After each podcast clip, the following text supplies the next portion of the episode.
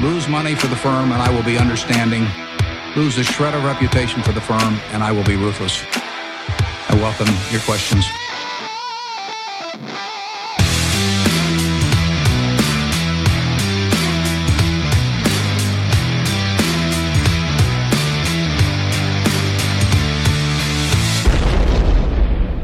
Välkomna till Kvalitetsaktiepodden. Det är jag som är Ola. Ja, och det är jag som är Klas. Eh, Det här är avsnitt nummer 16 som spelas in på kvällen onsdag den 2 maj. Eh, Vi har lite annat för oss i morgon som är den ordinarie torsdagen. Men eh, i och med att det blir så himla sent där så är det väl ändå som man kan se det som att det kommer ut Ja. på torsdagen. Ja. Det kanske finns någon nattuggla som hinner fånga upp det innan. Idag blir det rapporter. ja, det blir det ju. Det är ju rapportperiod och eh, det blir ju bara att mata på här känner jag. Ja, nej, den här liknelsen med rapportflod och sådär. Jag, jag börjar förstå det mer och mer. Man fullständigt badar i de här Ja. rapporterna. Och, Ja. Eh, blandar ihop bolagen till höger och vänster. Det är spännande. Och är man borta några dagar så, har man, eh, så är man hjälplöst efter. Då måste man eh, sitta dag och natt för att hinna ikapp och, och lägga in alla bolag. nej, vi, är väl, vi, vi sitter ju inte och handlar på rapporter Nej, jätteofta men eh, det är ju alltid lite kul att få vara med på morgonen och se vad som händer Ja, om, man, ju. om man kan gissa rätt. Mm. Eh, så dagens fråga blir, kommer vi hinna med 12 rapporter och slå nytt rekord där på den, inom en timme? Mm. Och ändå kasta in ett citat och hinna med det senaste inom teknisk analys? Ja, det får vi se. Ja, så det får bli dagens fråga. Ja, Eh, vi, vi får se. Det, det märker de som lyssnar här. Vad det står på sista raden så har de, eller för tid på det här avsnittet så har de svaret där då. ja. Så innan vi drar igång här vill vi också påminna våra lyssnare om att aktieinvesteringar alltid innebär ett stort risktagande. Aktier kan både gå upp och ner i värde. Satsa därför aldrig kapital på aktier som du inte är beredd att förlora. Av transparensskäl berättar vi också om eventuellt eget ägande i bolagen vi pratar om i avsnittet. Detta ska inte betraktas som en köp eller säljrekommendation. Gör alltid din egen analys av läget i bolagen innan eventuell handel. Ja. Hoppar vi igång. Eh, vi har faktiskt något väldigt litet aktuellt här också. Vi uppehöll ju oss väldigt länge runt eh, Svedol i eh, förra avsnittet. ja, det var ett stort, en stor del där. Ja, vi pratade ju om det här med budplikten. Mm. Och nu då så har eh, Svedol har ju tillsatt en sån här oberoende budkommitté. Jag vet inte, är det kutym? Ja, det är det ju. Det är väldigt vanligt. Och det är ju liksom de som inte har något med budet att göra. eh, Styrelsemedlemmar som inte har något eh, vare sig från det säljande eller köpande parten då. Och sen så någon helt extern också. Mm. Och de var väl eniga. Ja, de hade tagit in eh, ett utlåtande från Pareto, Mm. tror jag. Och det de säger är, jag läser till här lite grann. Mm, gör det. Eh, Svedols styrelses oberoende budkommittés enhälliga uppfattning är att bolagets aktieägare inte ska acceptera budpliktsbudet om 32 kronor per aktie från Nordstjärnan. Då budpliktsbudet inte reflekterar Svedols bolagsvärde ur ett finansiellt perspektiv. Och detta är alltså från pressmeddelandet den 26 april. Ja, det är bra. Då har de samma syn som vi att det inte det är inte det är inte fair value här på Det på fortsätter, Swedol. det fortsätter lite där och de konstaterar ju att ja, Nordstjärnan har fått ett jättebra pris. Mm. Och att de är tvungna att lämna det här budet. Mm. Så det faller ingen skugga på dem. Nej, nej. Nej, men det tyckte jag kändes jätteskönt. Eh, Mm. och vi var ute på, hade någon fråga på Twitter här och eh, om någon som sa att man kanske skulle kunna se aprilförsäljningen innan eh, budet gick ut här. Budplikten gick ut faktiskt. Men Ja. det var som jag sa förra veckan, att, eh, eller förra avsnittet, att du kommer bli tvingad att ta ställning före eh, siffrorna för april eh, redovisas. Ja. Tyvärr. Ja, i alla fall om du vill svara via Avanza. Avanza var det så. Eller Nordnet. Ja, det är 14 eller 15 där någonstans och siffrorna kommer den 16 så att så är det. Ja. Så det, det kvarstår kan man säga. ja. Det var det. Då hoppar vi raskt in på eh, dagens rapporter då. Ska vi säga vilka bolag vi kommer ta här? Eh, Ja, folk så- har efterfrågat det någon gång. Ja, men Eh, då, Så att de vet vad, så de kan snabbspola. ja. och vi då- kör väl något litet eh, midcap-industri här eh, först va? Ja, Ja. och, och då kommer vi då eh, ta AK Group, Beijer Alma, Nederman, Indutrade och Nolato. ja, det är ju kvalitetsindustri. Definitivt. Vi börjar där då ja. kan man säga. Ja, Eh, sen blir det lite spel och lite mjukvaror och lite, eh, lite handel och grejer. Men det, Vi börjar där och då tänkte du börja med Ja, vi kan börja med AQ då. AQ Group, en klassiker Mm. Ja. i, i kvalitetsaktiepodden. Ja, får man väl säga ändå. Mm. Kanske lite för lite har vi pratat om dem, för de är ändå med i vår buy and hold-portfölj här och så. Men Ja. eh, eh, ja, det här är ju ett klassbolag. Egentligen alla de här fem industribolagen vi tar upp här idag eh, är verkligen sådana kvalitets eh, midcap industri eh, skulle jag säga. De ligger, de ligger där och är väl, väldigt välskötta. Eh, tillväxten i Q1 fortsatte för AQ och det var egentligen bara orga, eh, ren organisk tillväxt. Man har ju en historik av att förvärva mycket men i Q4 och Q1 har det bara varit organisk tillväxt. Och eh, det är faktiskt först med, från och med Q2 som det här finska nya förvärvet Mekonova kommer in då med 170 miljoner i omsättning. Och eh, ja, det kommer då göra 4% på omsättningen. Så att eh, från och med Q2 har man lite förvärvad omsättning också. Mm. Resultatet var svagare än förra året men en klar uppryckning från den här Q4 som vi pratade om sist som var väldigt svag på resultatnivå. Eh, Och rörelsemarginalen i Q1 var 6,6% jämfört med 3,8% i Q4 så det var ju klart mycket bättre.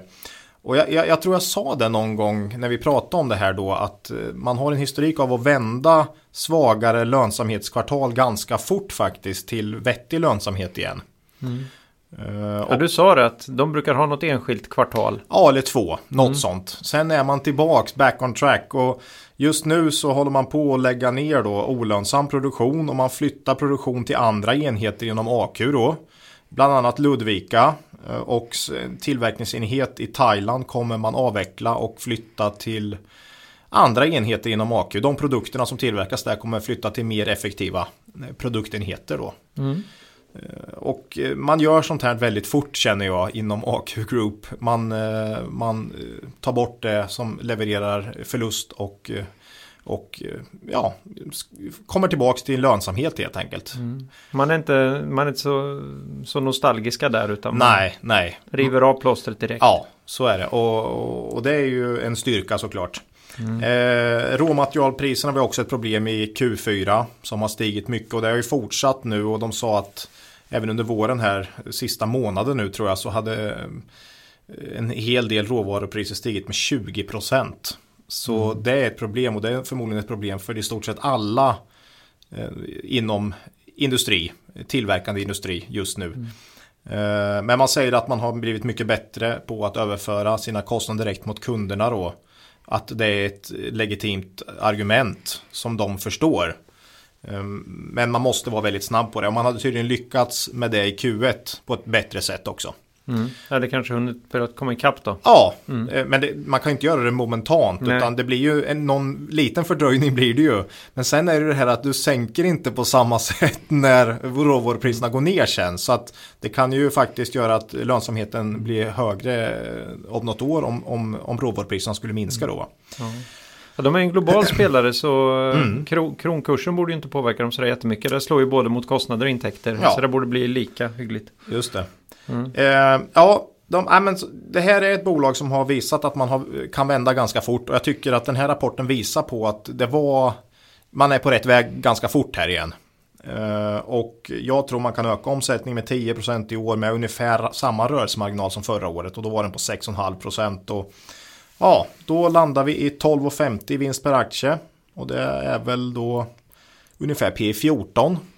Och det är ju billigare än börsen som helhet. Och det här är ju ett klassbolag med stark balansräkning och fin historik. Så jag tycker det känns lite lågt faktiskt. Eh, eller det känns lågt i och med att jag tycker bolaget är bättre än snittbolaget. Eh, det är väl vd-bytet här som är en liten osäkerhetsfaktor. Eh, Men eh, de gamla storägarna och vdn ska ju sitta kvar i styrelsen och sådär. Så att det är ju inget, mm, inget konstigt så. Men det är ju det är en osäkerhetsfaktor. Är det. Men jag, jag tycker AQ känns, eh, det känns klart intressant efter den här rapporten. Jag, jag tycker man fick de besked man ville mm, på marginalsidan. Så ja, känns vettigt. Ja. Trevligt med AK Group då. Ja, Någonting som är bra och inte orimligt dyrt. Det är ju härligt. Det är lite ovanligt här i, i podden känns Mm. ja det är det. Ja, eh, vi ångar på. Eh, ska vi kasta in eh, Beijer eh, Alma då kanske? Kan vi göra. Lite, lite kompis. Ja. Man säger också en sån här underleverantör av komponenter till industrikunder. Och om man behöver något spännande kablage till sin mobilmast då kan man ju ringa HBA Cable här som är deras ett ja. av deras dotterbolag. Ja. ja. Och här har vi också en ny vd faktiskt som eh, dock redan har börjat. Eh, Henrik Perbäck eh, fick eh, nu släppa sin första rapport här. Mm. För Beijer Alma. Det blev den starkaste rapporten någonsin eh, i stort sett oavsett hur man mäter. Så mm. jag hoppas han inte börjar på toppen här.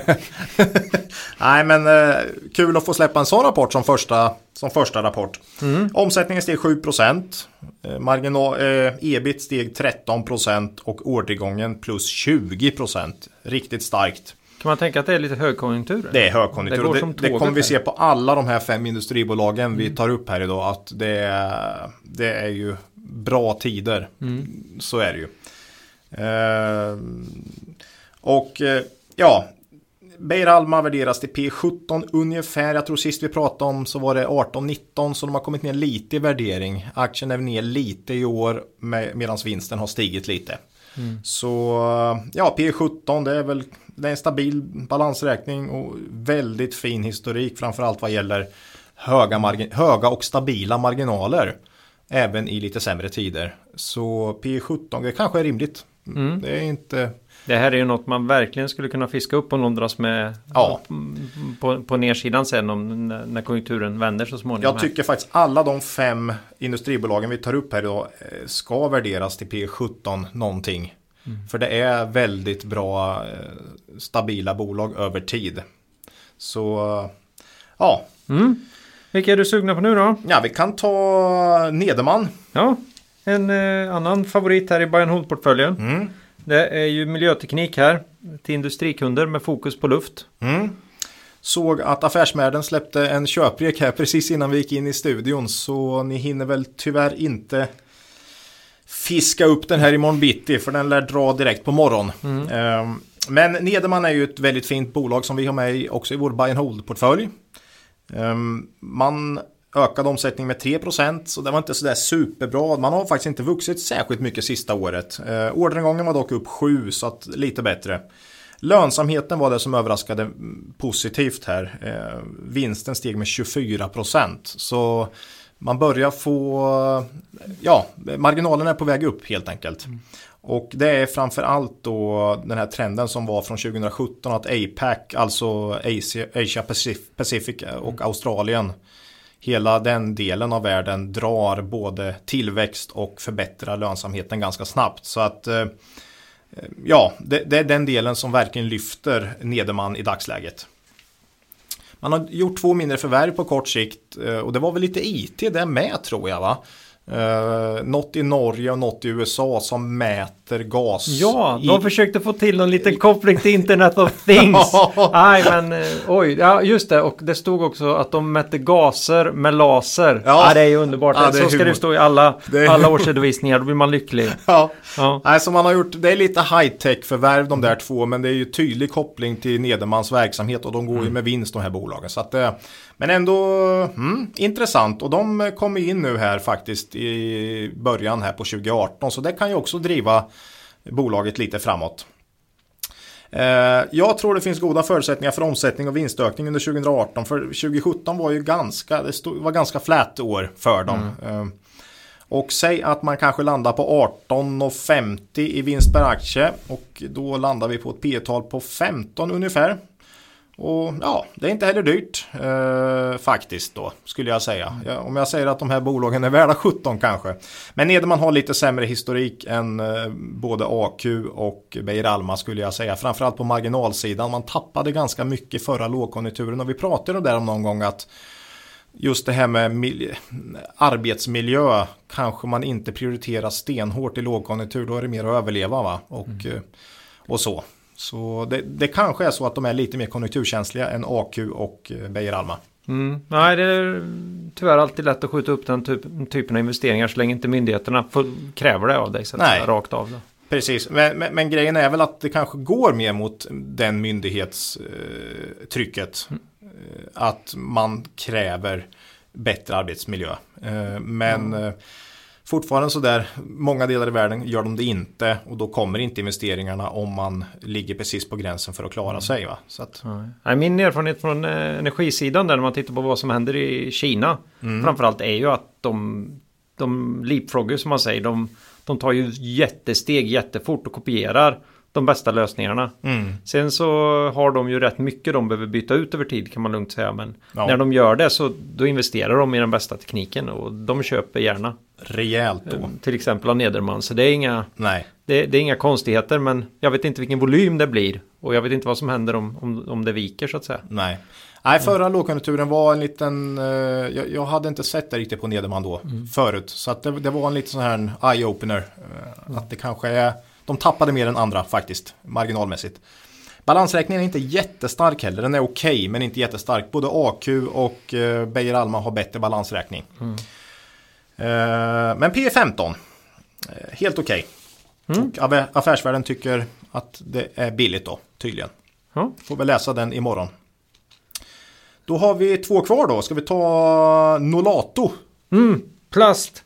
Mm. Ja, det var Maria igen. Det här har jag ju sagt så många gånger. Ja, men det är ju oerhört avancerade produkter. Ofta i plast och silikon och mm. i liknande material som jag inte ens riktigt vet vad det är. Men någon gummivariant är det garanterat i alla fall. Ja, ja. jag vill ju inte knappt veta vad det här är. Eh, för det här är sådana det är sådana här liksom kvalitetsbolag som man känner att det ska vara produkter man inte känner till. Det ska vara det här business to business. Ja. Små prylar i någon slutpryl som är helt eh, nödvändig för slutkunden. Eh, Ja. Eh, ja, det är sånt man vill att ska vara. Motsen visar sig i resultatet. Ja. Mm. Och eh, där tror jag Nolato faktiskt har en hel del sådana produkter. Eh, det här var ju en makalöst stark rapport. Man fortsätter med, eh, med de här fina eh, resultaten från 2017. Det är mm, helt otroligt och jag sa ju att aktien var dyr sist vi pratade och det är den fortfarande. Men den har faktiskt inte rört sig så mycket som marknaden kanske har tagit ut en del av det här eh, fina. För omsättningen växte med 50 procent.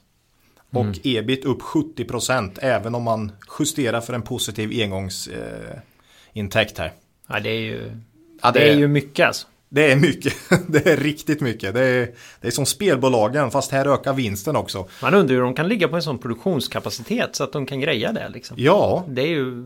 Ja. Alla affärsområden går, affärsområden går bra också. Mm. Men det är ett framförallt och Integrated Solutions som levererar galet bra. Där växte omsättningen med 135%. Jag tror det var över 150% om man justerar för valuta.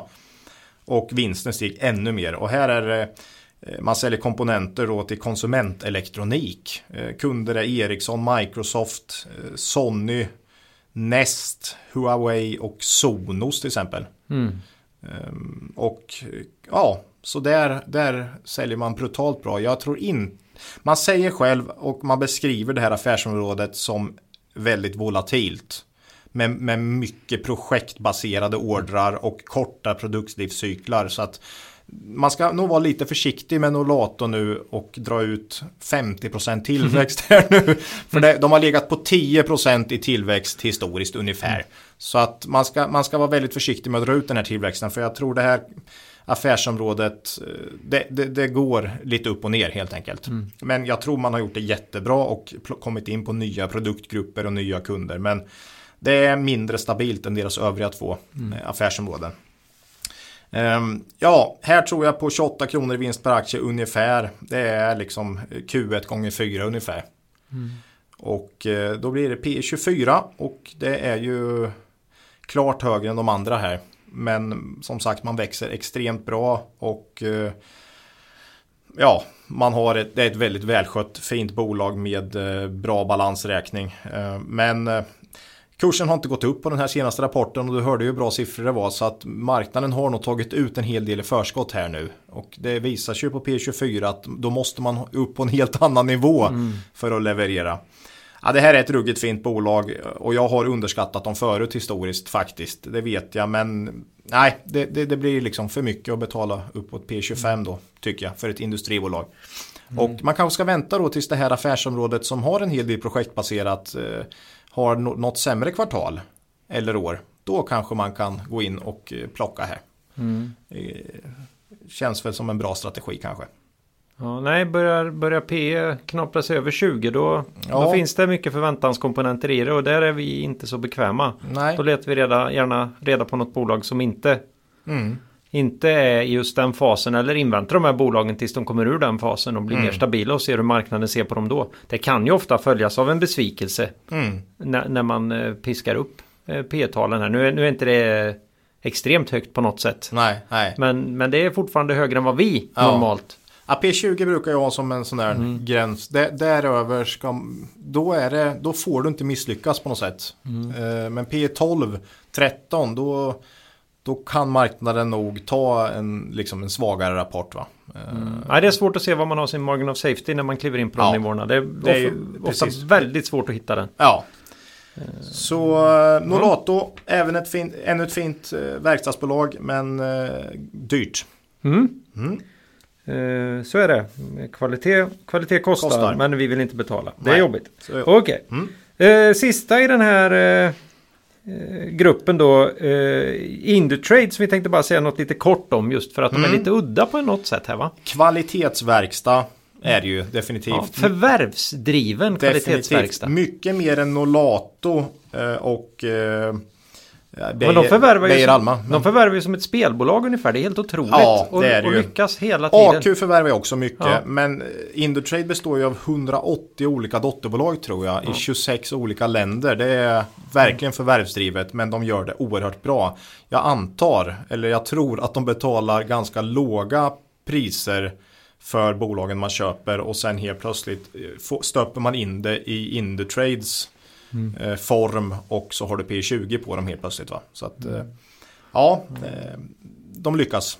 Mm. Och kvalitetsbolag säger de själva att de köper. Lönsamma, bra bolag till vettiga priser. Så att det, det låter ju som en, som en bra grej. Ja, men då kör väl en Buffett om misstänker vi betalar ett rimligt pris för Mm. ett fantastiskt bolag. Ja, för fantastiskt pris för ett rimligt bolag där. ja, Verkar funka för dem. ja. Eh, och om vi tar Q1 här då så ökade omsättningen med eh, 18 procent. Eh, en hel del från förvärv då såklart. Eh, ebit steg med 11. Orderingången plus 14. Väldigt stabila och bra siffror rakt igenom. Man har en okej, en helt okej balansräkning trots då att man konstant förvärvar. Så att man betalar ju väldigt mycket för, från sitt eget kassaflöde. Man delar ut ganska lite, 1,5% i direktavkastning ungefär. Och man använder då istället pengarna som kommer in från rörelsen till att förvärva nya bolag alla Berkshire. Ehm, och eh, ja, klassbolag P20 här så att eh, näst dyrast i den här, eh, vad ska vi kalla det, kvalitetsindustri delen av podden här.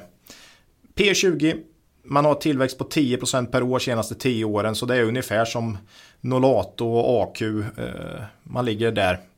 Och, men P20 är väl, det är ju på gränsen då, som vi har sagt. Det, blir väl lite för dyrt, eh, även om bolaget är välskött. Eh, Tycker jag AQ känns mer spännande på P13, 14, där, 14 liksom.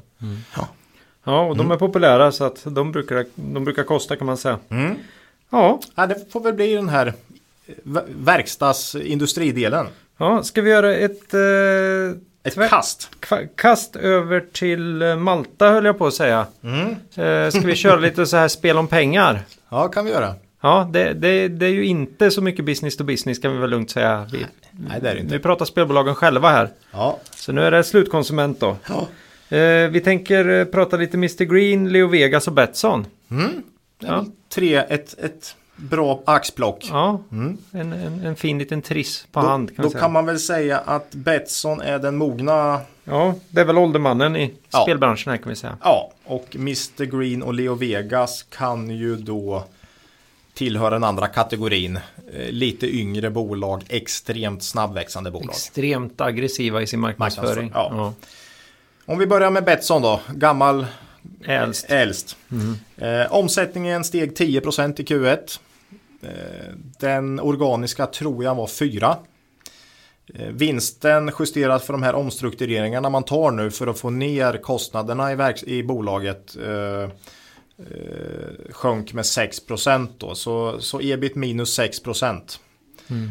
Betsson har ju fått den här tråkighetsstämpeln faktiskt sedan det är nästan två år tillbaks. Innan dess så var ju de den heta och Unibet var den, den svagaste av de här två jättarna. Eh, men Betsson har ju verkligen haft tråkighetsstämpeln nu i ett par år. Man, man är i stort sett utan organisk tillväxt och man har förvärvat till sig den, den, den tillväxt man har. Va? Eh, men Betsson nu tycker jag börjar bli något annat. Balansräkningen ser faktiskt helt okej okay ut nu när man kollar i Q1 här. Man mm. har ett starkt kassaflöde och man har sagt nu, eller Pontus Lindvall har sagt att man ska inte förvärva något i närtid. Man går rakt emot alla andra just nu. Eh, alla andra köper ju så mycket de kan och urholkar sina balansräkningar. Men sedan Pontus kom in här i höstas så har man precis tvärtom. Man städar och man ska inte förvärva någonting. Så det är intressant tycker jag. Städar och trimmar och håller i pengarna. Mm.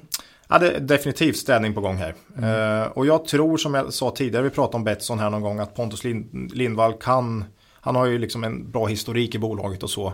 Så jag tror att han kan eh, vända skeppet. Uh, för man har man har tappat lönsamhet en del och man lägger inte alls lika mycket på marknadsföring i förhållande till sin omsättning som de här bolagen vi ska prata om sen, då Mr Green och Leo Vegas som plockar marknadsandelar snabbt då.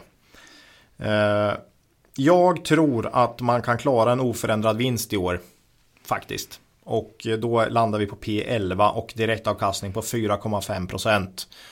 Och då med de siffrorna så är man ett av de stabilaste valen i sektorn. Eh, tråkigast kanske, men också stabilast. Eh, ja, jag tycker mm. faktiskt Betsson känns lite intressant här som, som, som något annat än de övriga här. Ja, elefanten i rummet här är ju våra vänner norrmännen då. Ja, just det. Ja, Där kommer ju alla drabbas av sista, de här. Sista Sovjetstaten sa han väl. Rosengren var det som sa det. Var det det? Ja, ja. jag tror det. Ja. Eh, det kommer lite sådana här sköna grejer ibland. Och här vill man då inför någon slags IP-blockering kom det ut. Mm. Eh, om jag förstår saken rätt då, så är det oppositionen som vill ha det men man har ju alltså inte en majoritetsregering så det är samma läge som i Sverige. Så oppositionen kan med rätt stöd då driva, driva igenom någonting sånt. Sen hur det tekniskt skulle gå till känns ju väldigt svårt i en, i en demokrati. Mm hur, hur de ska, och det är ju inte Kina vi pratar om här va? Nej. En sån här IP-blockering är ju ingenting man med, med lätthet tvingar på eh, Nej. fria bolag på en fri marknad. Nej, det kommer ju bli en debatt Så det är jättespännande. Mm. Men, men Betsson är inte jätte... Nej, jag vet inte. Många Ex av de här svenska bolagen har kanske 10% ungefär eh, av sin omsättning. Och det, eh, Leo Vegas var väl ute och sa att de hade 5 tror jag, om jag kommer mm. ihåg rätt. Så att Ja visst, det kommer påverka men inte brutalt. Mm. Kindreds vd var ute och sa att... Och det är Unibet då, Unibet fast på börsen. Då, ja. Mm. Eh, att eh, det här är ju bara ett förslag och att det ska mycket till. Så att jag vet inte riktigt. Men på det något... påverkar kurserna kan vi säga. Det gjorde det. Mm. De sjönk väl 10% säkert på den här nyheten uh, ungefär.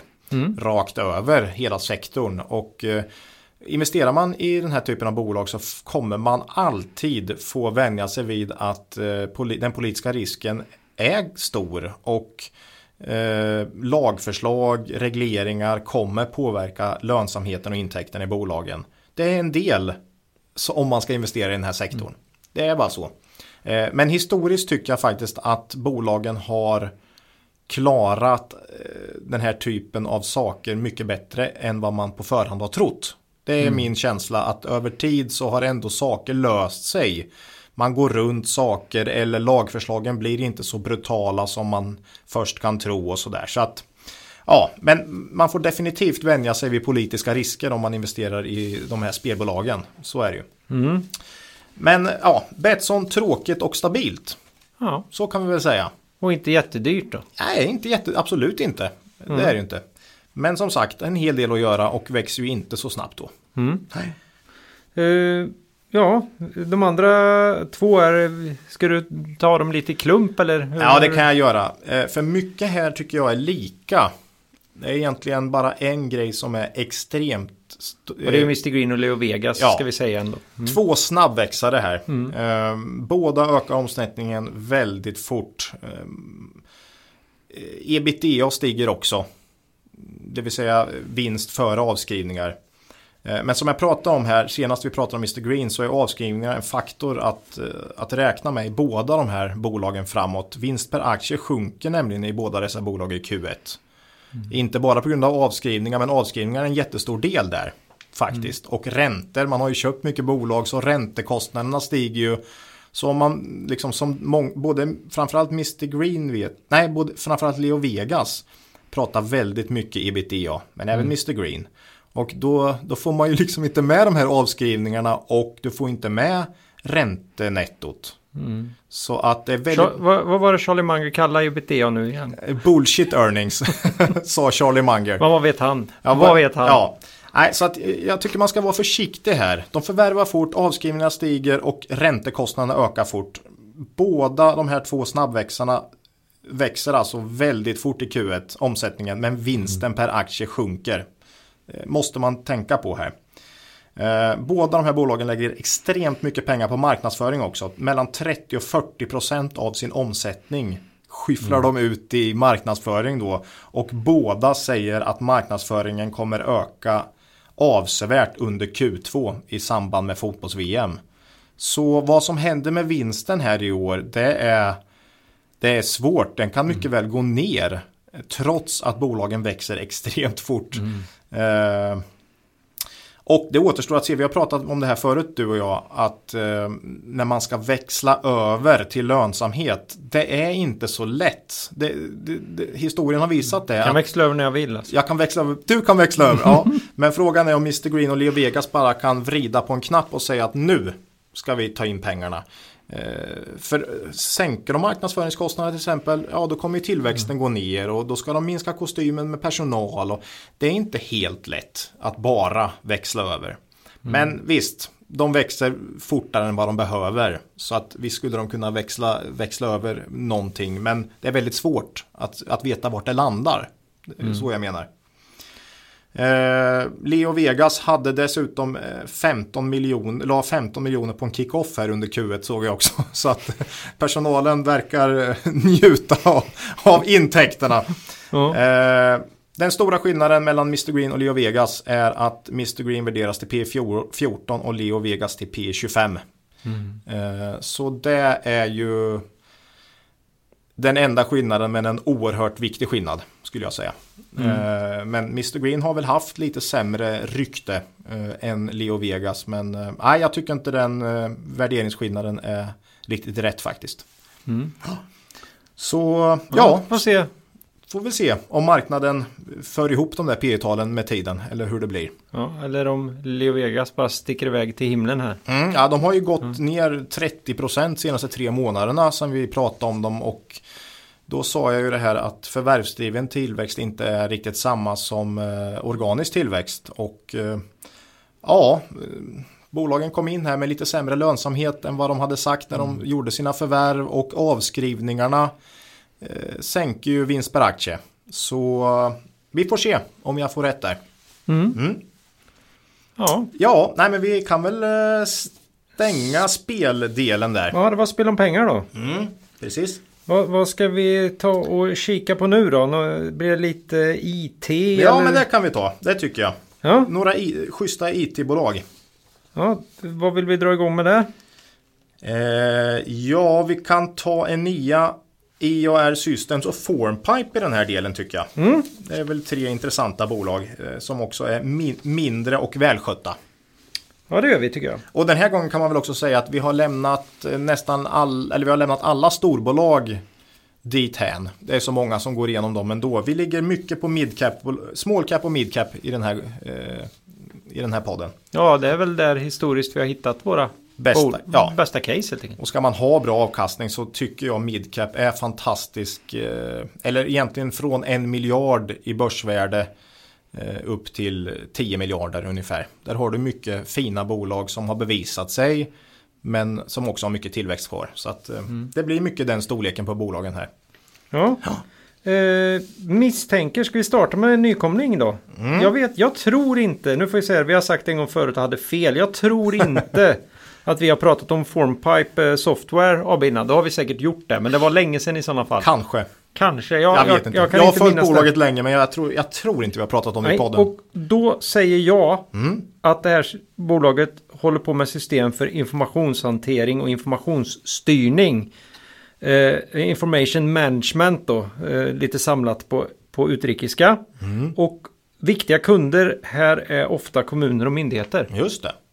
Ger ju en viss stabilitet tycker jag. Det är en av de saker jag har gillat med Formpipe historiskt. Att de har mycket eh, trygga repetitiva intäkter.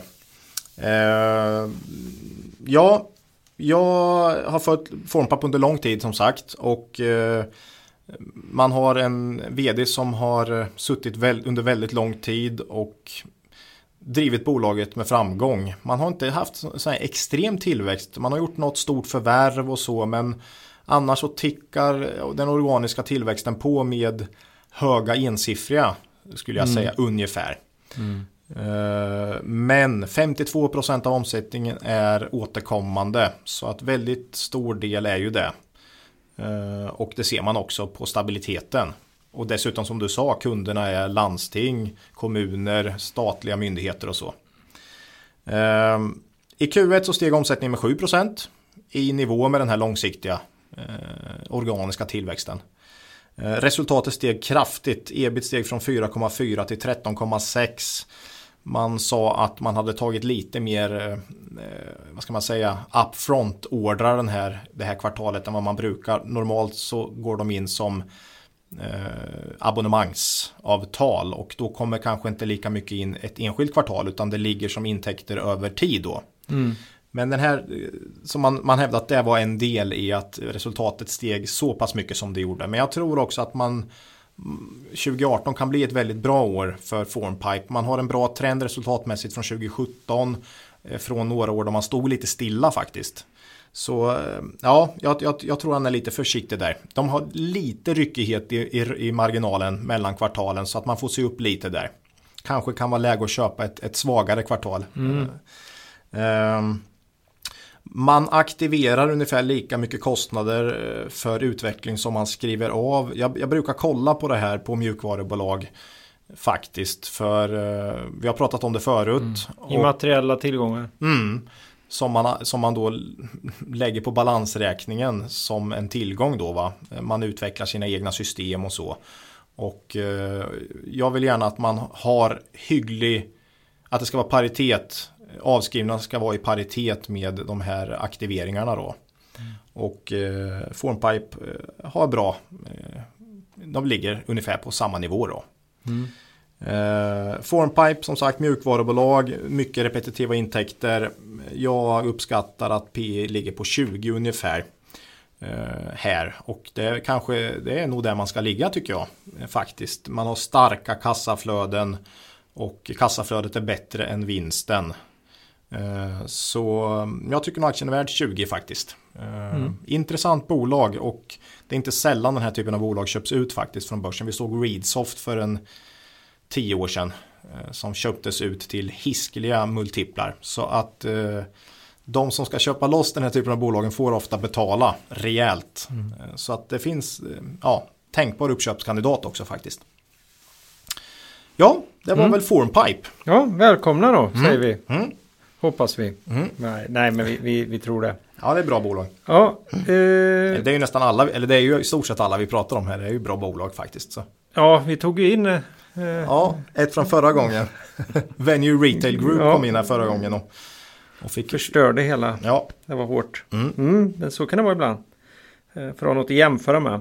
Mm. Ja, eh, ska vi göra något annat unikt här då? Ska jag säga något Mm. om IAR Systems? Jag började ju lite förra gången Mm. och var lite, inte kritisk, jag var, lite, jag var väldigt frågande till eh, det här förvärvet de gjorde av Secure Things. just det. Eh, Man är inte så van vid att göra förvärv. Man ser det här som något väldigt, väldigt strategiskt uppenbarligen då.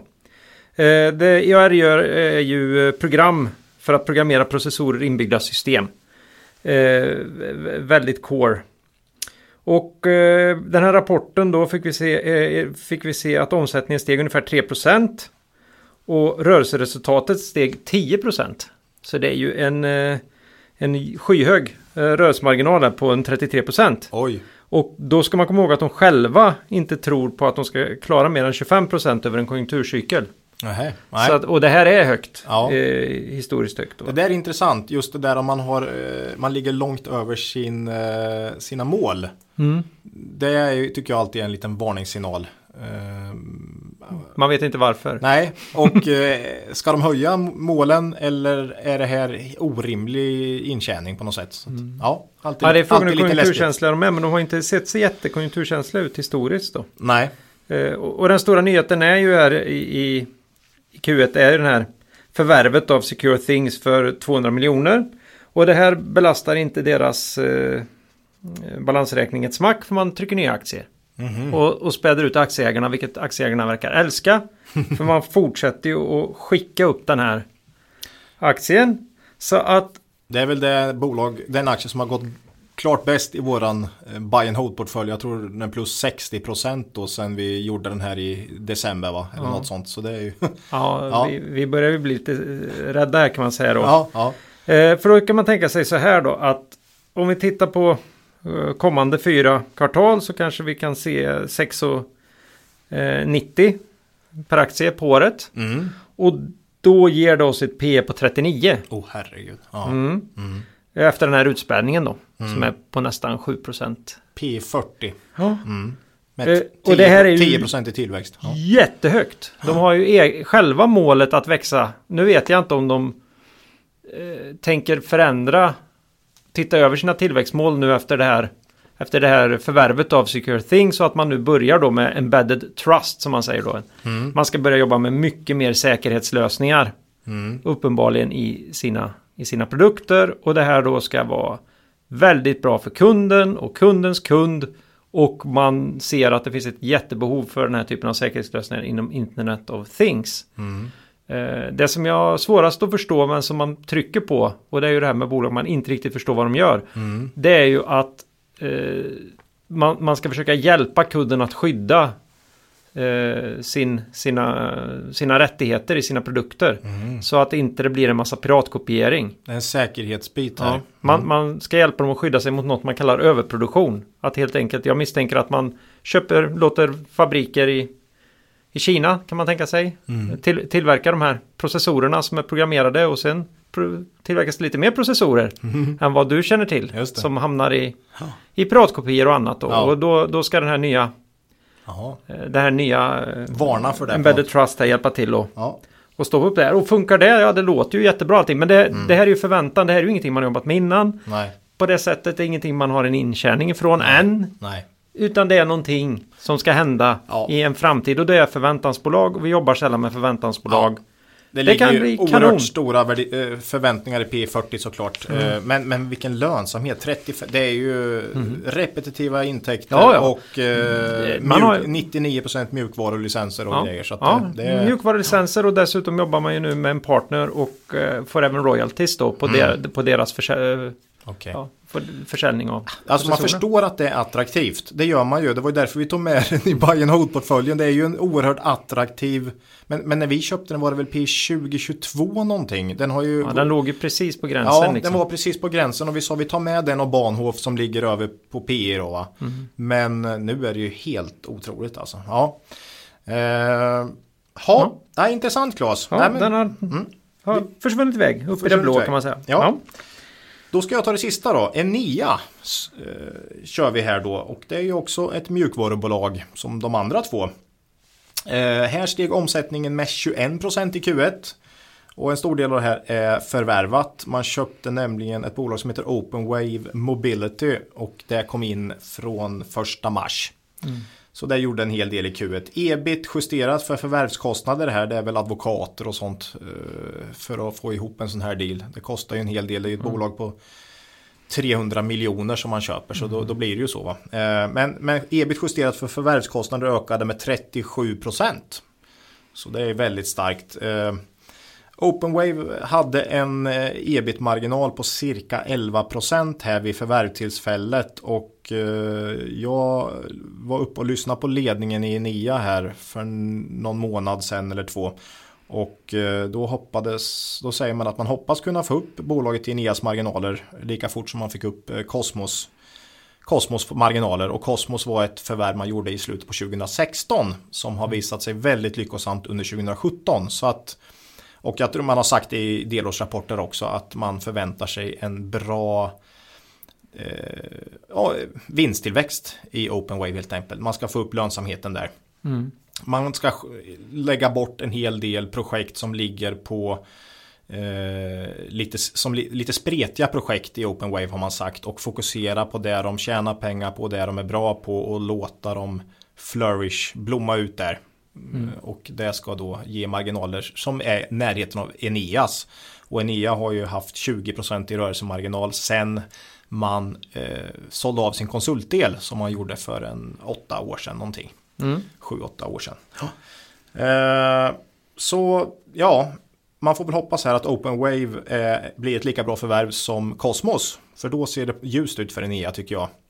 Um, något som har varit en stor och som jag pratade om när vi pratade Enea här i höstas. Det var det här med intäkterna från Ericsson och Nokia. Som har varit Beroendet av de två stora kunderna. Ja, och det är ju något man har pratat om alltid i Enea. Det, alltså, det har ju varit 60-70% förr i tiden. Men som jag ser det nu efter det här senaste förvärvet så tror jag att intäkterna från de här key accounts då nyckel stora kunderna kommer vara nere på cirka 25% av årsomsättningen vid 2018 års slut. Mm. Så att nu börjar det ändå komma ner på en nivå där man känner att det är hanterbar risk tycker jag. Mm. Ericsson har ju också gått väldigt dåligt under många år och det är svårt om du har en kund som tappar omsättning hela tiden för då gör ju du det också va. Mm. Eh, så ja, jag tycker nu känns det hanterbart. Ja, de har ju haft den här tvisten med Ericsson också.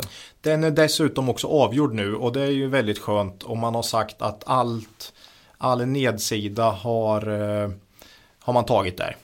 Eh, så den tvisten ska vara utredd och sen har man en del fortfarande där de betalar tydligen lite för lite just nu. Men det finns inget enligt avtal som eh, gör att det ska vara rätt då. Så att eh, Enea ska ju räkna med att få in de pengarna helt enkelt. Mm. Ja.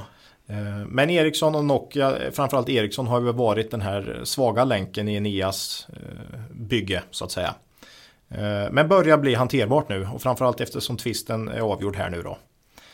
balansräkningen är faktiskt fortfarande helt okej okay, tycker jag trots de här förvärven man har gjort. Man hade ju en stor kassa från början och sen så eh, tog, man ju, tog man in ett lån här också på en halv miljard. Mm.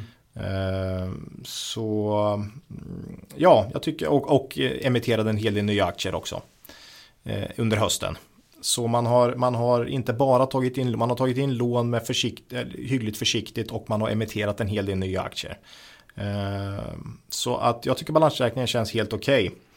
Okay. Eh, ledningen är ju vass tycker jag och man har visat sig att man, man, man driver upp Net Insight, ett gammalt bol, ett bolag på Stockholmsbörsen mm. som köptes ut för en tio år sedan. Och det drev man till 5 miljarder i värdering från eh, nästan ingenting. Så att eh, ledningen har en bra historik.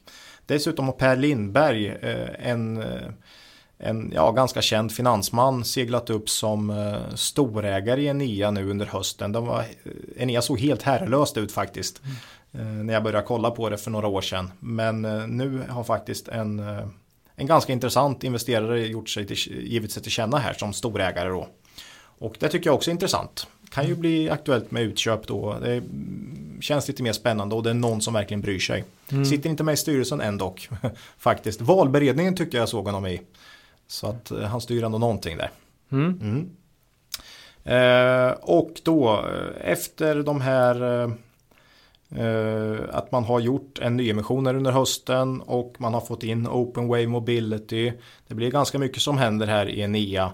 Men när jag sitter och räknar på det så får jag ändå att det här är ett mjukvarumarginal, äh, mjukvarubolag som värderas till P ungefär 13 och eh, mjukvarubolag med marginaler över 20% i P13 det är ju om vi jämför då med Formpipe och EAR så är det ju ett fynd såklart. Mm. Eh, och jag tycker faktiskt Enea är liksom det, jag, jag själv tycker att det är värt risk, risken nu. För risken har kommit ner betydligt vad gäller då Ericsson framförallt. Så ja, mm. jag tycker Enea känns spännande. Mycket spännande. Ja. Jättespännande. Det kanske märks när vi ska gå igenom vårt eget ägande sen. ja, det kanske det gör. Ja, Ja. så kan det vara. Mm. Eh, det var det. Och Har det vi var något det kvar? Ja, vi har väl ett, ett, en liten favorit va? Ja, just det. Just det, herregud. Nu snackar vi retail. Ja, vi har ett sånt bolag. Retail och brands. Ja. Vad, vad kan det vara? vad, vad, är det vi, Ja. vad, vad är det som har rapporterat som vi alltid Ja. tittar på oavsett hur dyrt det är? Har Fenix Auto släppt rapport, då tar vi upp det. Så är det bara. Så kommer det vara. Och eh, så även denna gång. Mm. Eh, ligger med i vår buy and hold-portfölj. Och eh, Vi kanske har någon ny, ny lyssnare där ute ändå som inte har hundra koll ja, på Fenix. Då är det ju Naturkompaniet, Konken och Primuskök kan man säga. Och Ja. mycket, mycket mer. k- kvalitet outdoor. Mm. Eh, så kan man säga. Dunjacka för 6000 spänn. Mm. Eh, Varma och sköna. Mm. Mycket, mycket bra jacka. Har faktiskt den själv. Plus 6% i omsättning i Q1. Phoenix Outdoor. Eh, och det är lite svagare än Phoenix historiska tillväxt faktiskt. Eh, som har nästan varit uppe på 20% inklusive förvärv då. Eh, och här var det mars som var mindre bra skrev man i rapporten. Det var höga kundlager i Asien, det vill säga man har sålt in väldigt mycket under förra året så kunderna behövde inte plocka in så mycket nu då. Eller att det har sålt sämre till slutkund. Svårt att veta. Eh, Man har dessutom eh, ja, antagit en strängare distributionspolitik skriver man. Och det uppfattar jag som att man eh, blir mer eh, picky vad gäller vilka butiker som ska få köpa in eh, Fjällräven och de här varumärkena. Det är väl för att man vill hålla upp ja, Varumärket då? varumärket. Ja. Ehm, så ja, det kan ju hämma tillväxten lite i år men samtidigt bör det ju då gynna marginalerna på sikt om man eh, är ett starkt varumärke som inte finns eh, överallt. Va? Eh, Dessutom så påverkar svagare dollar. Jag tror att man växte i dollar 17% i USA men det blev bara 2% i SEK här. Men det har ju vänt här nu i senaste tiden så att eh, dollarn är på väg upp kraftigt här så det kan ju gynna dem nästa kvartal kanske. Eh, rörelseresultatet ökade med 18%. Eh, Och resultatet steg i brands och global sales och det var oförändrat resultat i retail och man sa att med tanke på hela omställningen inom retail och sådär så är man ganska nöjd med det. Eh, Vi har ju sett hur det har gått för många andra retailbolag. Eh, Man skriver inför Q2 att den sena våren skapar lite osäkerhet. Eh, Vad händer där? Nu har ju våren kommit med full kraft här men det har ju ändå, den var ju senare än, än, än vanligt. April var ju ganska dåligt eh, generellt då. Ja, det vart ju knappt ingen vår här. Nej, Det vart ju gick från vinter till någon slags Som- eh, sommar ja. till någon slags regn. ja, just det. Eh, ja, man säger Asien kan bli lite svagare i Q2 också eventuellt och resten av året. Just för att man har stora lager i Asien. USA ser dock väldigt bra ut och orderboken inför Q3 pratar man om redan och den såg mycket lovande ut. Så att, och Fenix brukar alltid leverera. Det är lite som AQ Group där att är det några svagare kvartal och någonting går lite svagare så man reder ut det ganska fort normalt liksom. Eh, Men ja, här har du P-tal på strax under 20 nu. Jag tror det var uppe på 22-23 sist vi pratade om det. Men Phoenix har ju parkerat på strax över 1000 kronor här. Så att eh, desto fler kvartal det går desto billigare blir aktien i och med att vinsten stiger hela tiden här. Eh, Men strax under P20 för 2018 och det är, det är väl där man ska ligga med tanke på den här fantastiska historiken och starka varumärken tycker jag. Men, och visst, man måste ju påverkas kanske värderingsmässigt någonting av att alla andra runt omkring slaktas. Eh, Så kan det också vara. Att man tycker att varför ska Fenix ha P20 när många andra handlas till P8 då? Så att, ja. Konken går ju fruktansvärt bra nu alltså. ja, Det, och kolla runt på gator alltså. Det är, alltså om, om man har de glasögonen på sig då ser man nästan konken överallt tycker jag faktiskt. ja, jag, jag försöker titta utanför Sverige också. Jag försöker, alltså de syns ju i media överallt också. Mm, mm. Så, det, så det är ju frågan hur länge kan man hålla. Det här är ju alldeles för hållbara grejer. Ja, det De, med. håller ju evighet de här rackarna. Så. Ja. Ja, ja. Nej, det är men, lurigt. och USA är det som går starkast nu då. Eh, säger man. Och eh, i- mycket intressant. Mm. Mm. Så håll koll på Fenix. Mm. Se om de kan komma ner lite igen. Mm. Eh, kan det vara läge? Mm. Ja, Det var nog, 12 rapporter i snabb takt. ja.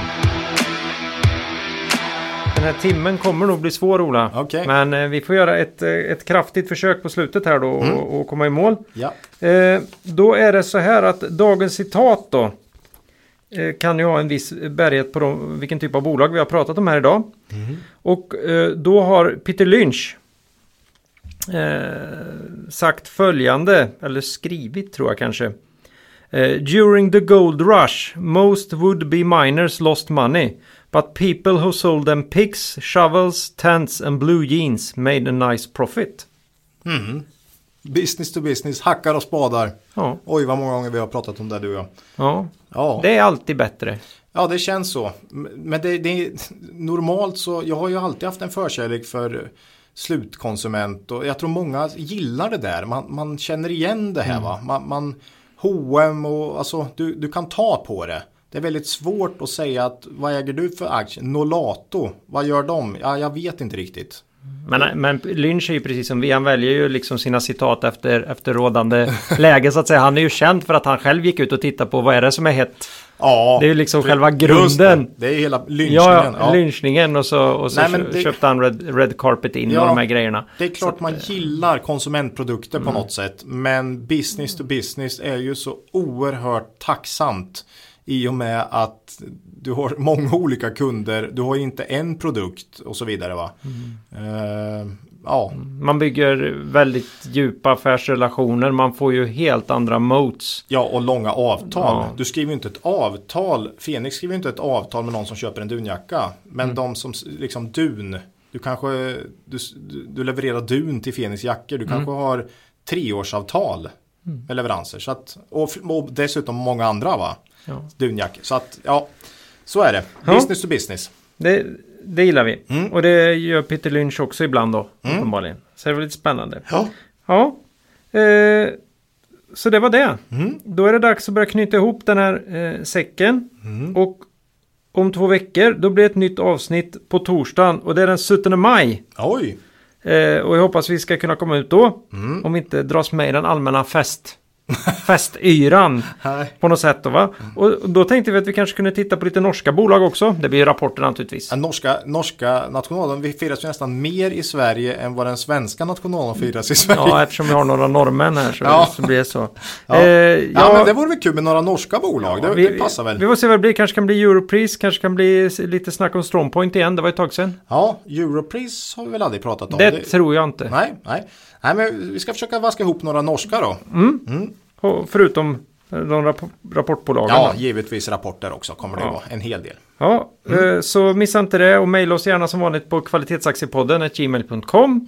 Vi finns på Twitter och vi finns på Facebook. Mm, försöka Eh, svara lite japp. då och då. Mm. Så att eh, ja, vi gillar väldigt mycket det vi får in och eh, Bra frågor. bra frågor, bra bolag. Vi önskar att vi hann, hade Mm. tiden att sätta oss med betydligt fler. Vi försöker Mm. komma ikapp. Ja. Eh, Och vi försöker svara på en hel del Mm. eh, direkt när det kommer in. Då. Efter rapportperiod här så kanske man kan samla ihop lite förslag. Eh, Mm. Just nu blir det ju mer att man man betar av så mycket rapporter som möjligt. Men sen kan man ju börja plocka in lite nya bolag som man inte har tittat på förut. Så att eh, vi tar tacksamt emot förslag. Mm. Eh, jättebra. Eh, så då är väl frågan om du har någon makro att ta upp idag Ola? Nej, inte då heller. Nej, men eh, lite teknisk analys då? Ja, men du har väl något? Ja, faktiskt eh, har jag börjat intressera mig mer och mer eh, för teknisk analys. Och eh, då har jag upptäckt där att både eh, dubbelbottnar och flaggor ser man rätt ofta där. Och då kan jag säga att dubbla allmänna flaggdagar, det har vi faktiskt bara normalt eh, 30 april och 1 maj. Det vill säga två dagar i rad som är flaggdagar. Japp, Jaha. och då ska man ju fortfarande ta ner flaggan innan mörkrets inbrott vill jag ju bara påpeka Och sen här va. hissa den igen på morgonen. Ja, Jaha. det är lite jobb men det kan det vara värt då. Det, det är ju kul det här eftersom eh, först då så firar vi monarkens födelsedag Mm. och sen då så är det tätt följt av socialismens egen högtidsdag. Och det är ju just i den... Bland varför de, är det i den ordningen? Ja. ja, just bland de partifärgerna som, som motståndet mot monarkin är som Störst, sta- störst då när man undersöker. Så det är lite roligt då. Mm. Eh, och sen har jag funderat på det här och kommit fram till att år 2022 Då ligger pingstdagen och nationaldagen efter varann. 5 och 6 juni. Oj, Och då kan det här kanske innebära en köpsignal för flaggtillverkare. Så vi, får, vi får återkomma om det då, ja. känner jag. ja. Så det var väl det jag hade på, På teknisk analys. Teknisk analys. Klockrent. Ja, Klockrent. det kände jag ändå var Mm, mm. givande för många. mm. Och eh, bolag, eget ägande här Ola. Ja, Enea. Proax pratar vi inte om. Nej. Men Swedol pratar vi om. Mm. Swedol pratade vi om ja. Eh, och AQ Group Mm. pratade vi om. AQ Group ja. Mm. ja. Så ja, det är väl de vi har i vår, Ja. i vår portfölj. Ja, vi nämnde att vi skulle prata om kanske om Strongpoint. Mm. Och Strongpoint Just det. har vi. Ja, så är det. Då får vi det, med det får vi säga hej då för den här gången. Och kom ihåg, Det är först när tidvattnet drar sig tillbaka som du får se vem som badat naken. Lose money for the firm and I will be understanding. Lose a shred of reputation for the firm and I will be ruthless. I welcome your questions.